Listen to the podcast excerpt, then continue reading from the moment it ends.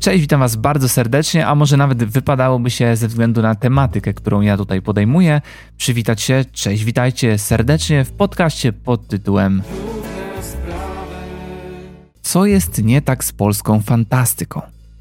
No ja się pytam, Ciebie drogi słuchaczu, co jest nie tak? Bo jeżeli jesteś na tym podcaście, a nie czytasz fantastyki, no to może mi odpowiesz na pytanie, dlaczego nie czytasz?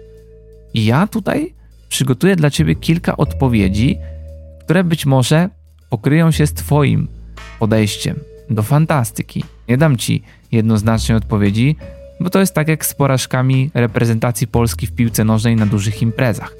Na to składa się wiele czynników, więc ja o tych czynnikach, o moich subiektywnych obserwacjach, jakimś researchu, który dokonałem, moim zasiedzeniu się trochę w branży, gdzie coś tam podsłyszałem, powiem co w mojej opinii jest nie tak z polską fantastyką i dlaczego jesteśmy trochę takim niechcianym dzieckiem na rynku książek.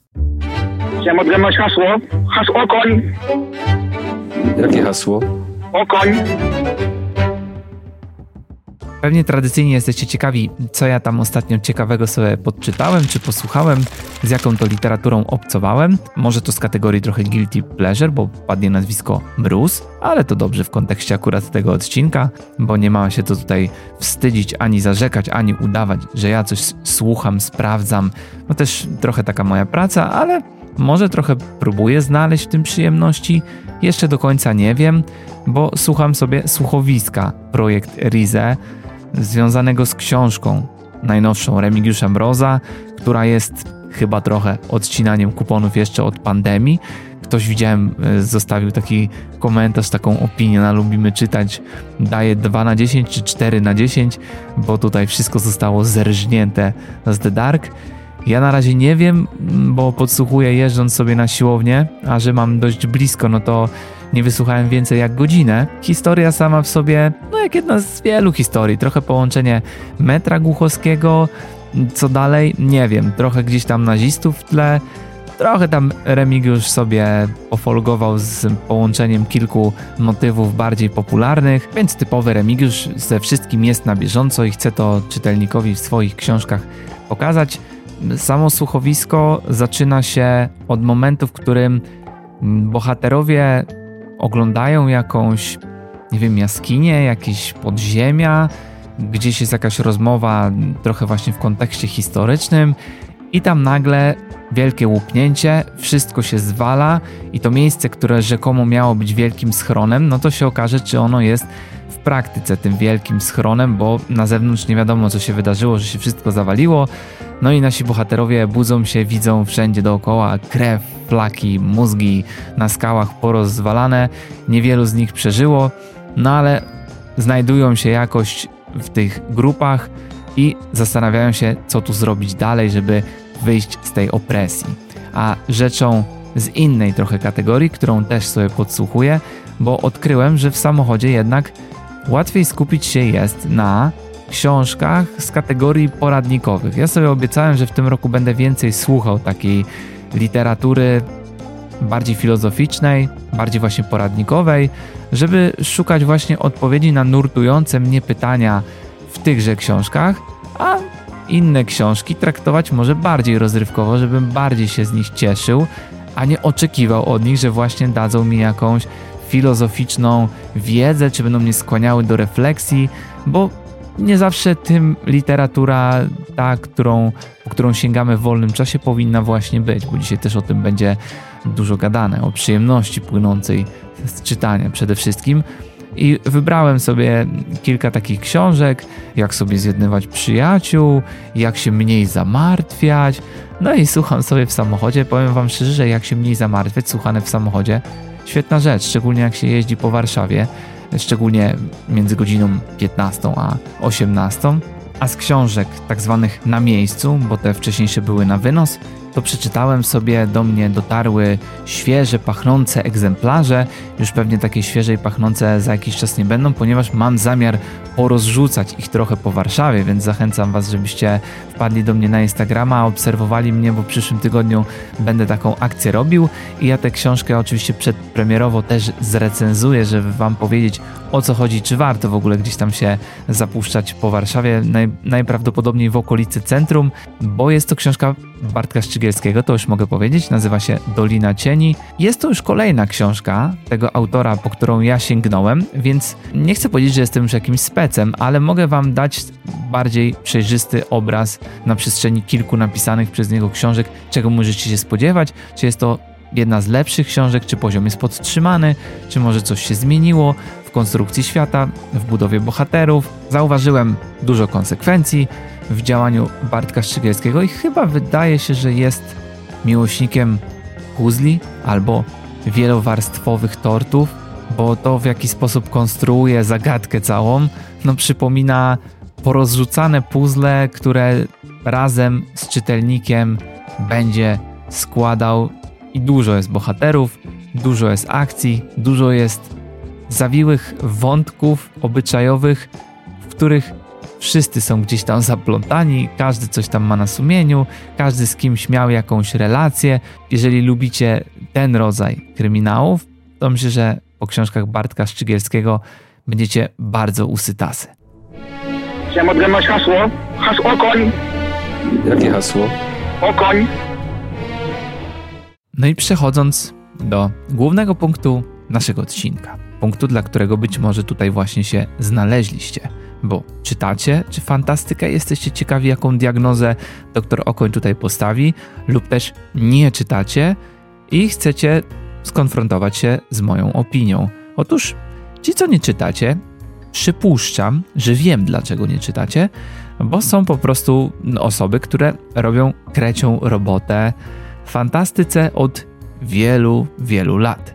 I mówiąc od wielu, wielu lat, jak daleko chciałbym sięgnąć, no nie sięgnę lat 80., 90., momentu, w którym cały fandom się kształtował yy, i takie nazwiska jak Zajdel, później Ziemkiewicz, później Grzędowicz z czasopismem, później Fabryka Słów w latach 2000, która wyciągnęła z szafy wszystkie dzieła pisarzom takim jak Pilipiuk i powiedziała: My was teraz wydamy. Rynek się zaczął zmieniać, rynek zaczął się rozrastać, zaczęło się dziać w polskiej fantastyce. Oto mamy rok 2020, drugi, bo myśląc o 2020, wpada mi w myśl taka bardzo, ale to bardzo symboliczna wypowiedź. Wykrzesuje z siebie entuzjazm na widok tego fantazy. Ty się cofasz w rozwoju do jakiś regres? Czy Ja się masz cofam. kłopoty z dojrzałością? I ten oto fragment ja wielokrotnie cytowałem, bo uważam, że można go wykorzystywać na wiele sposobów. To pani Agata Pasen, która w jednym z programów pod tytułem Księgarnia, bardzo prestiżowym, powiedziałbym programie, mainstreamowym programie, programie, w którym namaszczało się wiele gwiazd książkowych, kierowało się czytelników na odpowiednie tory, żeby sięgali po właściwą, najwłaściwszą literaturę. Można powiedzieć, że tacy arbitrzy tego, co w książkach dobre i tego, co złe. Otóż gościem w tym programie, mm, oczywiście co zostało podkreślone, że na tyle naście, dziesiąt, czy nawet może set programów, no chociaż chyba aż tyle nie, pojawił się w końcu ktoś z fantastyki. Niesłychana rzecz.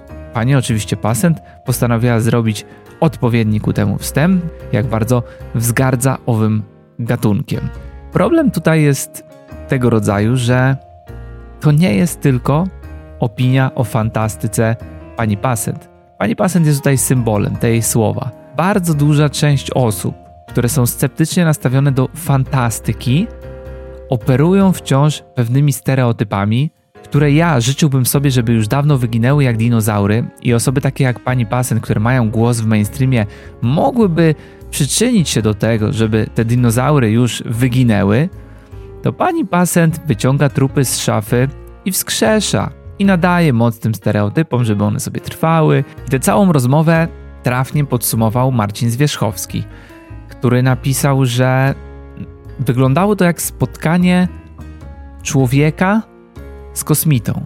pisarz wypytywany był o fantastykę i środowisko fantastyczne, z dociekliwością przedstawiciela ludzkiej cywilizacji, który natknął się na przybysza z Marsa i chciał się dowiedzieć, jak wygląda życie na innej planecie. No i to jest właśnie jeden z pierwszych problemów, który, z którym nie jest w stanie sobie poradzić fantastyka, no bo no słuchajcie, żeby poradzić sobie z mainstreamem, czyli przebić mainstream, no to ja na przykład, jakbym chciał te stereotypy pogrzebać, no to ja próbuję to robić, ale ja docieram do średnio 25 tysięcy subskrybentów na YouTubie. Jest to jakieś pole rażenia, ale ja nie przebiję telewizji głównego nurtu. Ja też nie będę walczył z innymi osobami w internecie, które wciąż te stereotypy powielają, bo ja pragnę zauważyć, a mówiłem o tym wielokrotnie, że i ja padałem ofiarą dyskryminacji, jeżeli mogę tak powiedzieć, względem tego, co czytam. I my, czytelnicy, zamiast mnożyć czytelników, których jest mało, to my dzielimy się, robimy podziały, szufladkujemy nawzajem siebie względem tego, jaką literaturę czytamy. Jest ciężko walczyć z tym, z tym, co się już utarło od jakiegoś czasu, i nawet internet, który powinien temu sprzyjać, on temu nie sprzyja. I ja nie zwalałbym tutaj tego na toksyczność fandomu, o którym wielokrotnie się różni ludzie wypowiadali. Generalnie środowisko, które jest fundamentem fantastyki, które można powiedzieć, że namaszcza też trochę i mówi: ta fantastyka jest fantastyką według nas dobrej jakości i my będziemy ją promować, chociażby pisząc o niej w pozytywny sposób, że to jest jakiś wzorzec do naśladowania. I te wszystkie mity związane z tym, ile to tam karier nie zostało pogrzebanych w fandomie, co jest trochę, no poniekąd może prawdą, ale z drugiej strony, no jeżeli ktoś nie ma warsztatu, nie ma przekonującej historii, to nie ma co się dziwić, że się nie przebija, bo mówię tutaj o tych młodych pisarzach. Z jednej strony można powiedzieć, ok, wydawnictwa głównego nurtu, takie jak chociażby Fabryka Słów, stawiają na swoje sprawdzone konie w tym wyścigu. Grzędowicz, Pilipiuk, Ziemiański, Kosakowska, Magda Kozak może również, ale gdzie jest ten napływ świeżej krwi i dlaczego go nie ma? Jest, ale ta cała drużyna można powiedzieć, że nie jest w jednej drużynie, tylko jest rozdrobniona na wiele plemion. I to jest kolejny problem z fantastyką. Jest mnóstwo niszowych wydawnictw. Ja o wielu wydawnictwach nawet fantastyki dowiaduję się dopiero po jakimś czasie, że widzę na przykład listę wrzuconą e, rezerwową do nagrody Zajdla i tam się znajduje 200 pozycji, z czego jest mnóstwo małych wydawców i to zaczyna przypominać trochę taką walkę małych plemion, gdzie każdy buduje swoje chatki, każdy ma swoje, swoich wyznawców, najlepsi z nich cieszą się świetną opinią, ale to jest tak wąskie grono wtajemniczonych, że ten niewielki zasięg też pozbawia ich możliwości osiągnięcia no, większego sukcesu, przebicia się gdzieś, życia z pisania, żeby stali się takimi, wiecie, nie tylko pisarzami fantastyki, ale żeby krzewili jakoś tę popularność fantastyki, bo no, dzisiaj młodzi pisarze operują w mediach społecznościowych, więc jeżeli oni mówią o swojej twórczości, to automatycznie też promują gatunek, dla którego tworzą. Więc jeżeli Remigiusz Mróz ma zasięgi takie, jakie ma, to można powiedzieć, że wszyscy pisarze kryminałów mogą odcinać kupony od tego, co wypracował dla kryminału Mróz w tych latach. Tak tutaj, jeśli chodzi o fantastykę, to mamy taki problem, że Grzędowicza na Facebooku w social mediach brak. Ziemiański trochę bardziej. Filipiuka też sporadycznie widać. Komuda trochę też jest, ale oni generalnie zabierają głos w sprawach politycznych często, nie wszyscy z nich. No i są to poglądy, z którymi się wielu ludzi właśnie z mainstreamu nie zgadza. Więc tutaj znowu mamy problem z przebiciem się do większego grona odbiorców, ponieważ sami gdzieś te wrota przed sobą zamykamy. Kryminał jest gatunkiem bardzo uniwersalnym, chociażby najbardziej popularny gatunek, czy powieści obyczajowe Tutaj nie ma podziału na jakieś zainteresowania. Tutaj każdy, kto wejdzie, taki randomowy, standardowy czytelnik, weźmie coś z tej półki i prawdopodobnie będzie zadowolony. Ale żeby zapuścić się już na fantastykę, no to ja już widzę tam koneserów, którzy chadzają po tych regałach. Nawet ostatnio przed świętami widziałem, podeszło trzech gości, e, mówią, no tam weź, ty kupmy tam ziomeczkowi naszemu jakąś książkę, co tam, coś z fantastyki mu kupimy, nie no. Ty, ja słyszałem ten y, Pan Lodowego Ogrodu, to no, na bank, na bank to będzie spoko. No i to jest rzeczywiście też symboliczne trochę, bo to pokazuje, co w internecie się przebija w ostatnich latach. Kolejny problem, dlaczego fantastyka jest w takim stanie, jakim jest, a mówię tu o stanie no, pewnej stagnacji, mimo tego, że coś się pojawia nowego, to to nie jest taka rwąca rzeka jak w kryminale chociażby. Ramy gatunkowe też coś narzucają. Zobaczcie, że kryminał to jest taka książka, która jest takim czytadłem trochę jednorazowym. Dobrze się przy tym bawimy, odkładamy to i kurczę, żeby się drugi raz znowu zabawić, trzeba sięgnąć po coś nowego i fajnie, bo to nowe jest. Cały czas coś nowego jest. A w fantastyce jest tak, że pewna formuła się trochę wyczerpuje. Jeżeli przeczytamy w tym roku na przykład jakąś powieść fantazy wielostronicową z jakimś rozbudowanym światem, który wymaga przez nas sporego zaangażowania, żeby sobie to wszystko wyobrazić, nie sięgniemy po to, jeżeli nie jesteśmy naprawdę wielkimi, wielkimi fanami fantastyki, nie sięgniemy po kolejną taką książkę już zaraz natychmiast. Mogę wam powiedzieć śmiało, że osoby, które czytają kryminały, czytają po 150 książek co najmniej w roku. Kryminałów i nie są w stanie się znudzić. A czytelnicy fantastyki, no sięgną po 40, 50 maksymalnie książek i już się czują, że są lekko, może nawet zmęczeni formułą. To jest taki rodzaj literatury. No niestety, to nie są książki, które, które są jednorazowe. One zostają w większości z nami na dłużej. I widzicie, to jest bardzo istotny element, bo wyimaginowany świat to nie jest dla wszystkich coś atrakcyjnego, bo większość z nas dzisiaj odnoszę takie wrażenie, patrząc też na różnego rodzaju statystyki, czy z Biblioteki Narodowej, tego co się czyta, patrząc gdzieś po forach, czy po komentarzach, lubimy czytać dziś książki, które dotyczą aktualnych problemów. Książki bardziej współczesne. Poradniki się bardzo przebiły dzisiaj i biografie, one są na równi ze sprzedażą, jeśli chodzi o fantastykę. I nawet w tym miejscu podzielę się z Wami jeszcze jedną bardzo ciekawą teorią, którą wysunęła moja narzeczona, bo niestety ma przerąbane ze mną, ponieważ ja ją zawsze ciągnę za język, żeby rozruszać się trochę przed tym podcastem, żeby zebrać jakąś też inną perspektywę i ona mi często tę inną, świeżą perspektywę daje jako osoby, która nie siedzi tak nałogowo w książkach, bo bardzo wybiórczo podchodzi do książek, ma swój specyficzny gust, no i przede wszystkim ten gust jest z daleka od fantastyki. A powiem wam też dlaczego. Ponieważ Ola twierdzi, że ona w liceum czy w szkole, kiedy była, czytała pilnie lektury i naczytała się i Krzyżaków, i, i Potopu, i tego rodzaju książek, więc ona stwierdziła, że podobne klimaty czekają na nią w fantastyce. I ona nie jest za bardzo przekonana do tego, bo słyszy ciągle o bitwach, słyszy o hobbicie, o Władcy Pierścieni i to jest dla niej klimat, który jej kompletnie nie rajcuje i nawet jej się kojarzy ze szkołą. Więc może coś w tej teorii rzeczywiście jest, że ci, którzy w szkole nie czytali lektur i nie przeżyli Sienkiewicza, to teraz chętnie sięgają do fantastyki, bo to jest opowiadanie poniekąd historii bitewnych, ale w bardziej przystępny sposób. I ktoś, kto wcześniej nie miał kompletnie z takim rodzajem do czynienia, teraz może być usytasy.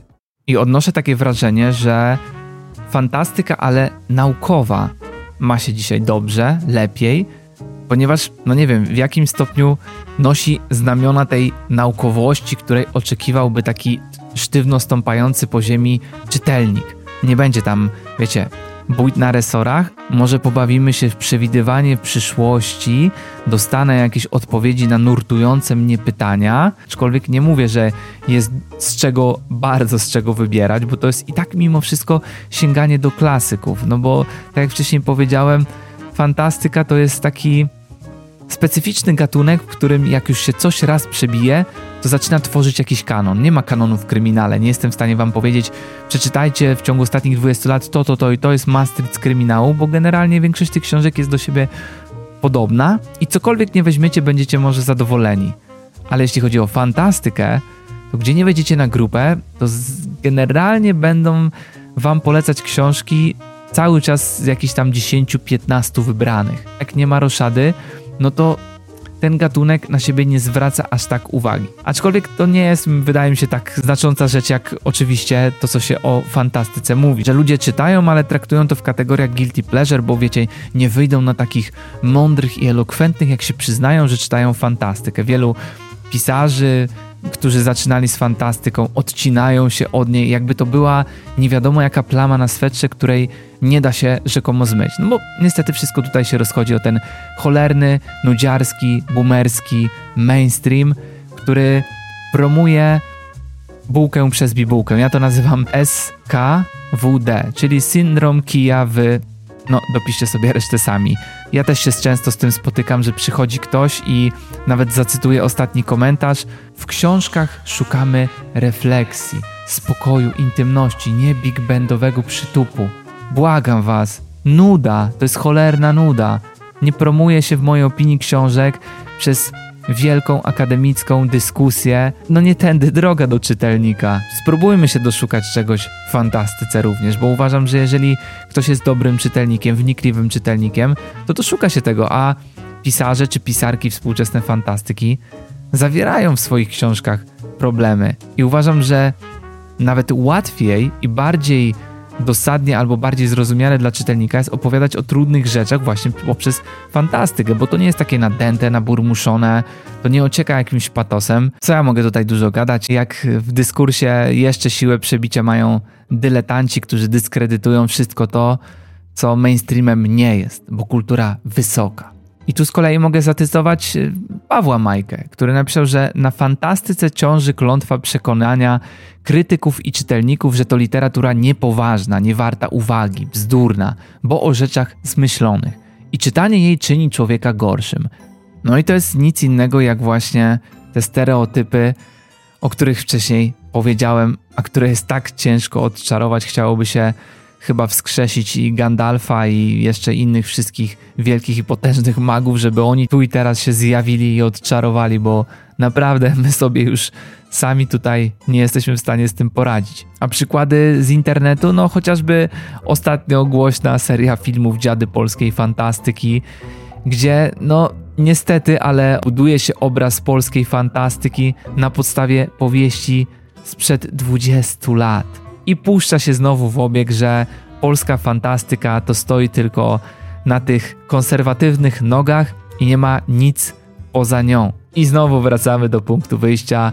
Mali wydawcy, rozdrobnienie, nie mogą się przebić, są dobrzy pisarze, ale dla wąskiego grona odbiorców o tych największych się mówi, a że oni zaliczają jakieś wpadki wizerunkowe, bo się wypowiadają w taki to, a nie inny sposób i ktoś jest w stanie coś na nich wyciągnąć, no to niestety to dalej żyje, dalej to trwa i te słowa Agaty Pasent niosą się i są przez innych dalej niestety przekazywane. Zresztą nie ma dzisiaj już niby listy książek zakazanych, ale ale co tam, schajcujmy sobie takiego Harry'ego Pottera. Ja wiem, że to to bardziej chodzi o odwołania jakieś e, satanistyczne, że rzekomo ktoś tam coś znalazł w tym Harrym Potterze, no ale wciąż fantastyka ta zła. Ktoś może to sprowadzić do, do czegoś takiego, że akurat ten rodzaj literatury został spalony. No nie Orwell, nikt nie rzuci Orwella, nikt nie rzuci 451 stopni Fahrenheita. Chociaż obie te książki też można zaliczyć do fantastyki, ale no to już coś piękniejszego. To można cytować, odwoływać do rzeczywistości. A takiego Harry'ego Pottera? Czarodzieja? Na miotle? Ludzie. Chciałem odgadnąć hasło.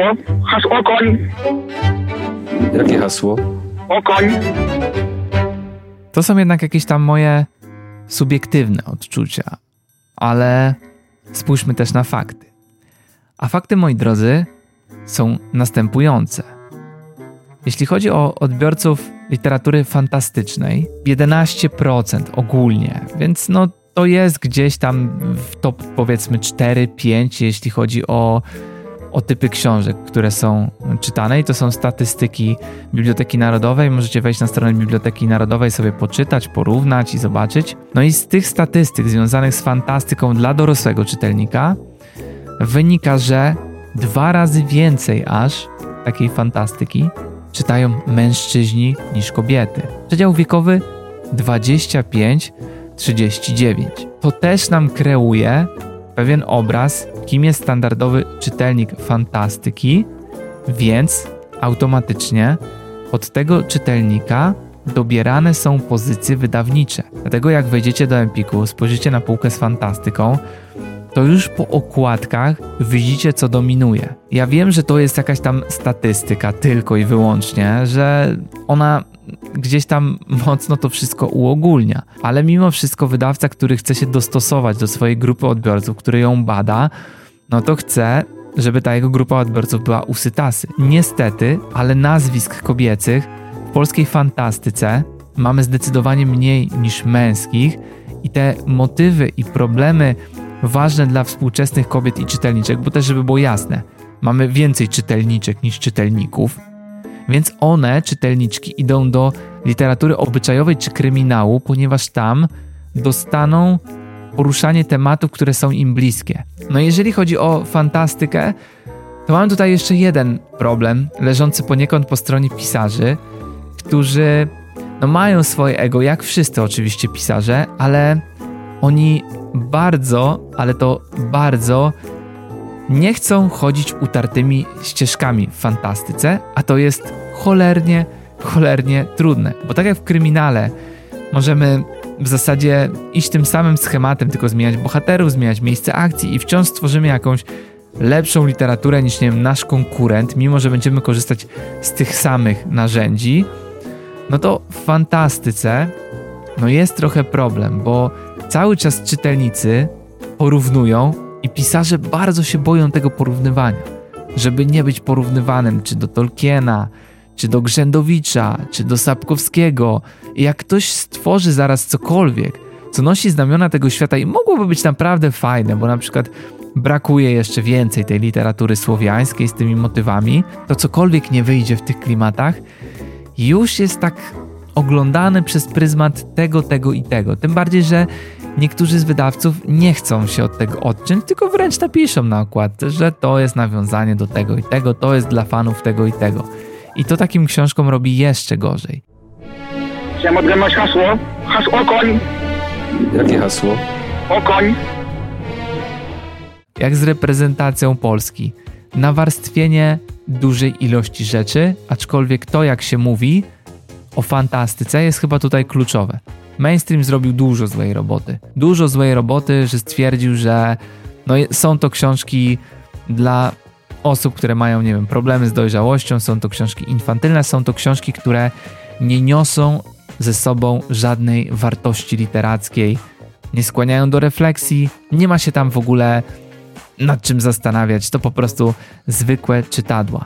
Ale skoro Remigiusz Mróz jest również zwykłym czytadłem, to dlaczego nie możemy promować dzieł innych pisarzy fantastyki rozrywkowej? Dlaczego na przykład Gołkowski miałby nie być tak częstym gościem gdzieś tam w programach jak Mróz czy, czy Pilipiuk?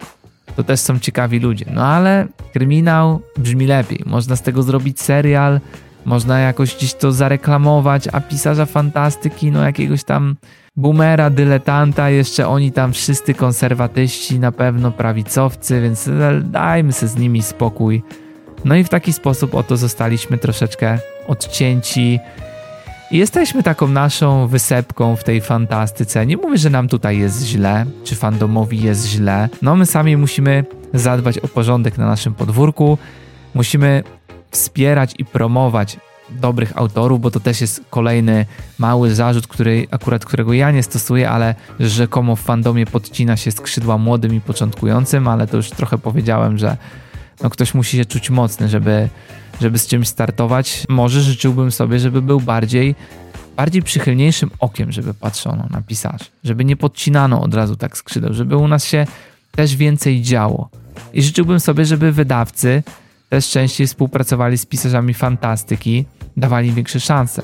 Słupki sprzedażowe też są istotne dla funkcjonowania firmy i z czysto biznesowego punktu widzenia, no niestety, ale trzeba stawiać na sprawdzone konie, jeżeli ma się dość niszowy biznes. Ja będę starał się odkłamywać ten obraz, bo wcale do końca nie jest tak, jak wam się może wydawać, ci, którzy nie czytacie fantastyki.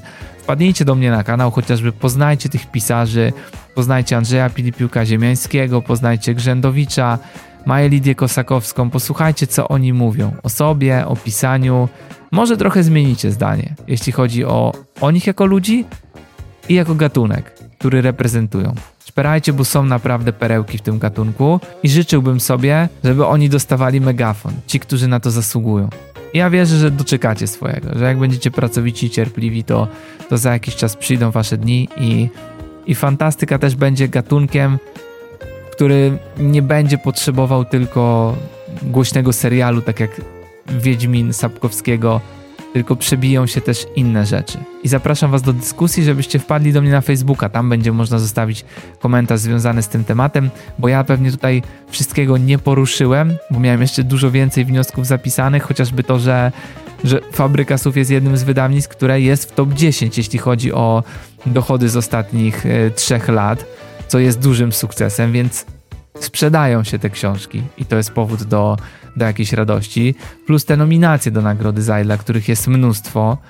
No, jest dużo książek, które otwierają gdzieś szufladki w naszej wyobraźni, w fantastyce. I uważam, że tylko fantastyka jest w stanie robić to na taką skalę. Wiele książek jest fantastyką, tylko ktoś nie chce ich tak nazwać, bo się tego brzydzi. Więc bądźcie czujni i używajcie swojej głowy i nie dajcie sobie wmówić, że coś jest brzydkie. Chociaż to tylko nomenklatura. I szczerze, najważniejsze, żebyście mieli radość z czytania. I nie dajcie sobie wmówić, że nie jesteście czegoś godni, jesteście na coś za starzy, czy to nie jest literatura dla was.